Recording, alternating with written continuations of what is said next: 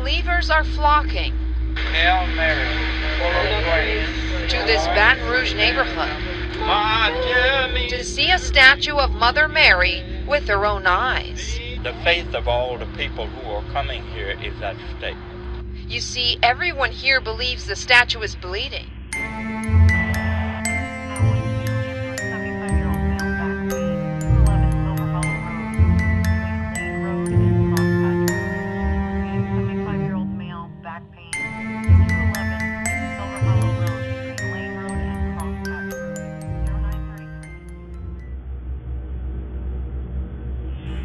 Ska vi titta närmare på ett mycket mystiskt fenomen.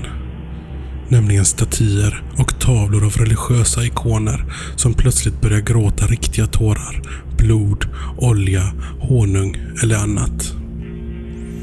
Detta fenomen har pågått länge och går att spåra så långt tillbaka som till gamla Grekland och förekommer med jämna mellanrum även i vår tid. Enbart i Italien kan man hitta cirka 200 kända fall. Så vad bottnar detta fenomen i? Tyder detta på krafter utanför vår förståelse? Eller är det riktigt skickligt utförda bluffar? Låt oss titta närmare på saken. Alla sorters statyer och tavlor kan gråta. Det finns rapporter med ikoner målade på duk och trä och statyer av porslin, metall, sten och så vidare.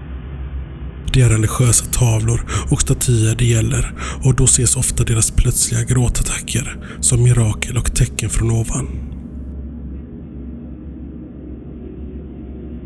Ofta reser mängder av människor till dessa statyer för att få healing och hjälp. Auktoriteter i den katolska kyrkan har dock varit väldigt vaksamma vad det gäller detta fenomen och haft höga krav innan de velat acceptera det som något gudomligt. De har sett till att undersökningar har gjorts och avslöjat en del bluffar. Vilket är en bra attityd eftersom det ändå finns en hel del bluffmakare där ute. Men kan man verkligen bortförklara alla dessa mystiska händelser? I Italien finns en tavla av jungfru Maria som 1971 började blöda. När polisen undersökte fallet konstaterades det att det var äkta blod. Kika gärna in på vår Instagram där vi heter Mysteriepodden. Där kan du se just denna tavla jungfru Maria. En annan blodig händelse var i november 1992 när en staty i Santiago i Chile började gråta blod. Och då avslöjades det att statyns blodtyp var typ 0 till 4 av mänskligt blod. Ett annat spännande fall skedde i St. George Antiochian Orthodox Church i Cicero, Illinois 1994. Då rann tårar från en ikon med jungfru Maria och Jesus. Tårarna kom från ögonen och kallades av många ett mirakel. En känd incident är det så kallade Our Lady of Akita-fallet. I Akita i Japan både blödde, svettades och grät en staty vid cirka hundra olika tillfällen från ungefär mitten av 70-talet till och med början av 80-talet. En nunna i statyns närhet fick även uppenbarelser i samband med detta. Det mest intressanta med händelsen är att blodet och svetten visar sig vid analys vara mänskligt. Även denna bild kan ni få se på vår Instagram. Detta fenomen har faktiskt även förekommit i Sverige. 1992 började en 15-årig flicka, Samira Hannock, i Södertälje få flera uppenbarelser där hon såg helgonet Charbel Makluf. Han talade till henne och sa bland annat att den syrianska kyrkan i Geneta och den assyriska i Folkets hus borde enas. En av uppenbarelserna fick Samira på balkongen. När hon kom in rann det olja från hennes armar och porträttet av Charbel som familjen hade började gråta olja. På grund av dessa mirakel började människor komma till Samira för att hon skulle stryka lite av olja på dem. Väldigt många handikappade och sjuka sägs ha blivit helt botade. Vartefter riktigt spred sig så kom fler och fler dit och tydligen ska 45 000 personer ha sökt sig till Samiras hjälp på endast åtta dagar. Efter ett tag stängde Samira sin mottagning och idag lever hon ett anonymt liv. Kyrkorna enades aldrig heller, utan tvärtom. Men men, intressanta händelser i alla fall, som gör att även Sverige kan skryta med en gråtande tavla. Hur ska man då förklara dessa fenomen? Är det ett mirakel från högre makter? Är det luriga lägre andar eller varelser som skojar? Eller är det bluffar? När det gäller ett sånt här stort fenomen så går det inte att ge ett svar. Varje fall måste bedömas för sig och vissa kommer man då kunna förklara och andra inte. Alla fall behöver inte heller förklaras. Som bluffade folk har lyckats få vätskor att sippra ut genom statyer och tavlor genom rör och andra trick. Vissa av fallen kan även bero på naturliga fenomen. Som kondensvätskor, vittring av ålder eller kemiska reaktioner i luften och så vidare. Till exempel så kan det vara så med vissa oljor, som olivolja, att om de används för att dränka in statyn så kan detta leda till effekten av gråt eller i alla fall en blödande effekt. Det mest mystiska är de fall där man har fått möjlighet att analysera blodet eller tårarna och det visar sig vara äkta. Blodet kan ju då fortfarande bero på bluffar, men de fall där det rört sig om äkta tårvätska är omöjliga att avfärda som bluff. Om man inte ska börja misstänka de som analyserat tårarna då vill säga. Så man kan nog säga att bland alla bluffar så finns några guldkorn av sanning. Det tror i alla fall jag. Vad tror ni om detta fenomen, kära lyssnare?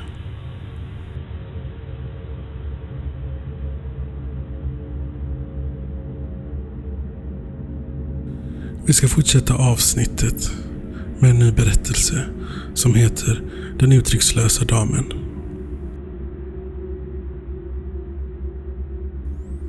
I detta inlägg så ska jag ta upp en av de historier som verkligen fått mig att rysa. Denna historia utspelar sig 1976. En kvinna kom in på akutmottagningen på Cedar Sinai Hospital i Los Angeles, California. Åsynen av henne fick alla att rysa. Hon hade ett alldeles stelt ansikte. Det såg ut som ansiktet på en skyltdocka. Helt uttryckslöst med mycket smink. Hennes hud var hård, vit och stel. Mellan käkarna hade hon en fastklämd död kattunge. Kattens blod rann ner på kvinnan och fläckade hennes vita klänning. När hon kom in på akuten slet hon katten ur sin mun och kollapsade på golvet. Personalen tog in henne i behandlingsrummet och ringde polisen. Hon var återigen vaken men rörde inte en min. Hennes käkar var hårt ihopbitna och hennes min oberörd. Läkarna trodde att hon befann sig i chock.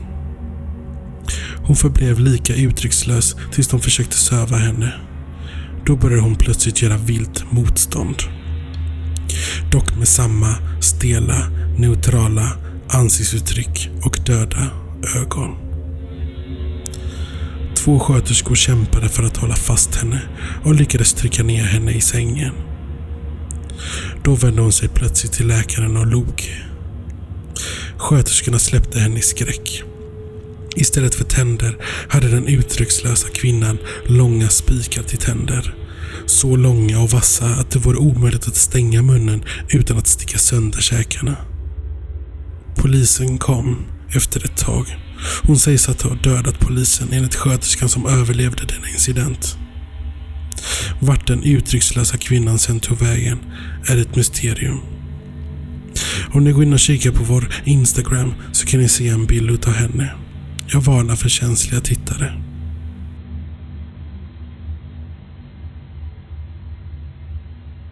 Vem var denna kvinna? En demon? Något form av önaturligt väsen?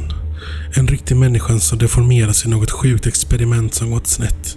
Vem skapade henne i sånt fall? Varför?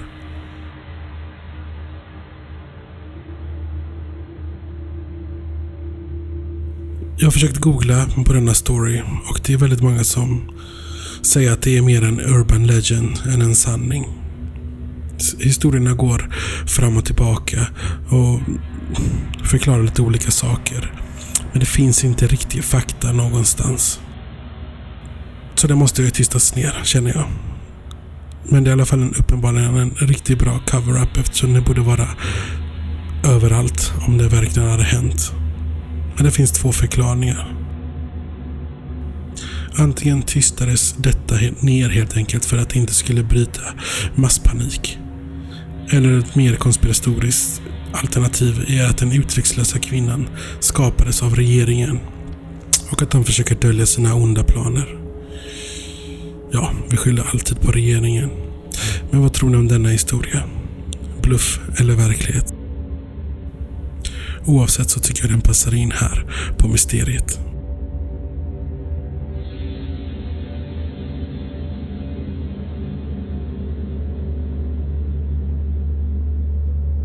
Dagens sista historia och mysterie är en läskig figur som terroriserade folk i England under 1800-talet. Vi ska prata om mysteriet kring Spring-Heeled Jack. Om den som kallade Spring-Heeled Jack är ett spöke, en demon, en utomjording eller resultatet av bluffar är än idag ett totalt mysterium. Låt oss titta närmare på historien om Spring-Heeled Jack. En bild kan ni se på vår Instagram.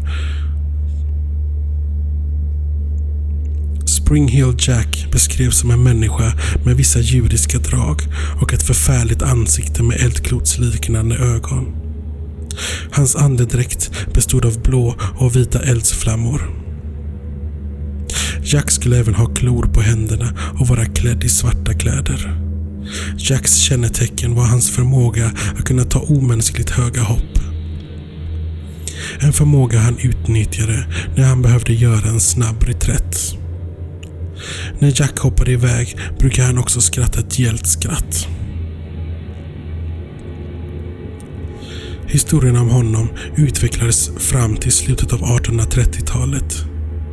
Vid den tiden gick det många rykten om mystiska varelser som attackerade personer i området runt Barnes i England.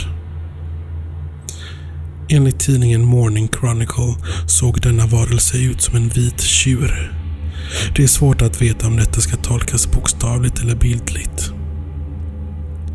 En vanlig tro vid denna tid var att djävulen visade sig som behornade djur.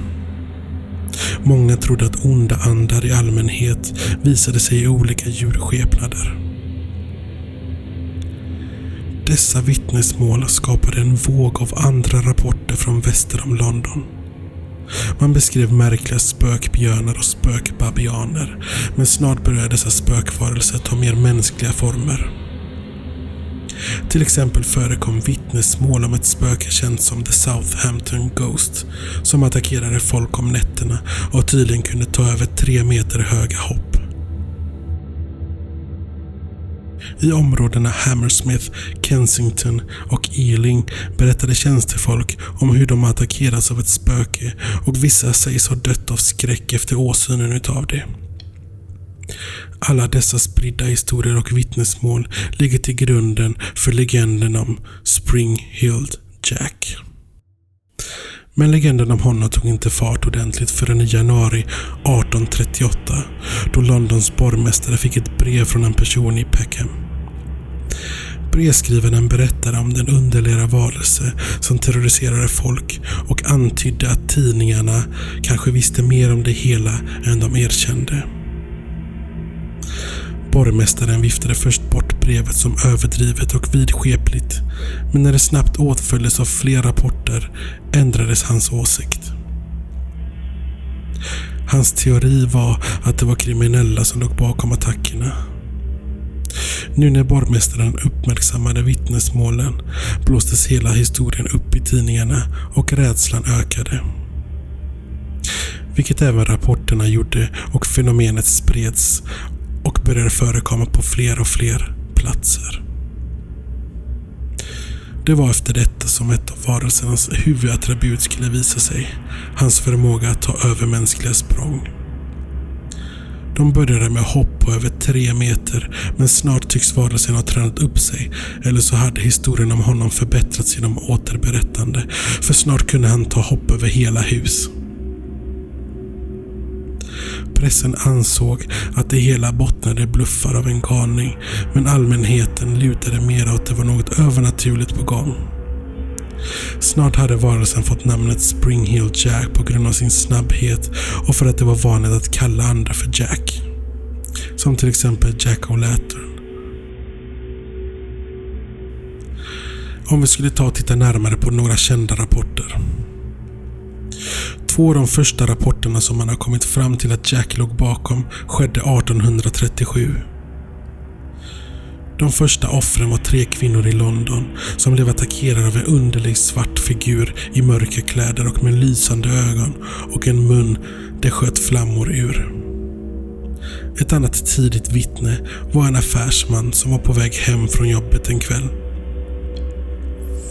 Från en närliggande kyrkogård kom en mystisk figur hoppande och landade framför honom. Figuren såg ut som en muskulös man med utstående, glödande ögon och spetsiga öron. Som tur var gick den underliga varelsen inte till attack denna gång. De mest kända rapporterna om Jack kommer från två tonårsflickor, Lucy Scales och Jane Alsop. Lucy blev attackerad av honom 1838 när hon och hennes syster var ute och gick. En hemsk figur hoppade fram och attackerade Lucy och blåste ut eld som fick henne att falla till marken i våldsamma kramper som varade flera timmar.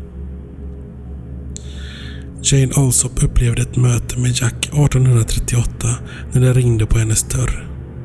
En polis stod där utanför och påstod att han hade fångat Spring Hill Jack och behövde ett ljus. Jane gick och hämtade ett ljus, men när hon skulle ge det till polisen kastade han av sig sin huva och visade sig se omänskligt hemsk ut. Blåa och vita flammor kom från hans mun och hans ögon såg ut som eldklot. Han gav sig på henne och rev henne med sina vassa klor. Som tur var kom en av Janes systrar som lyckades rädda Jane och få in henne i huset. Jack har också beskyllts för att vara skyldig till djävulens fotspår som dök upp i Devon 1855. Rapporterna om Jack avtog och försvann i början av 1900-talet. Vem eller vad som gett upphov till vittnesmålen om Spring Hill Jack är och förblir ännu ett mysterium.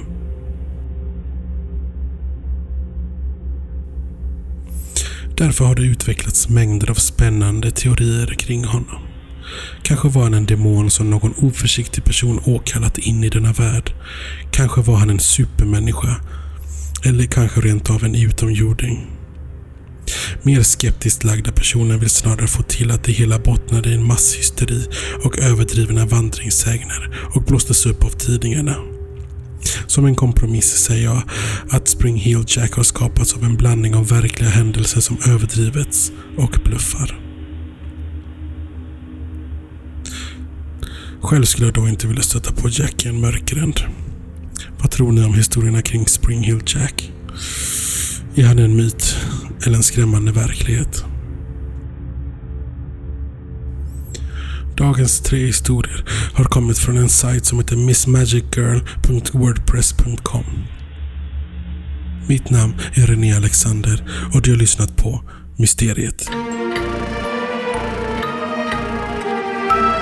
FBI to DEA, testing on Houston command. How do you read? This is uh, Houston DEA. I read you loud and clear on command.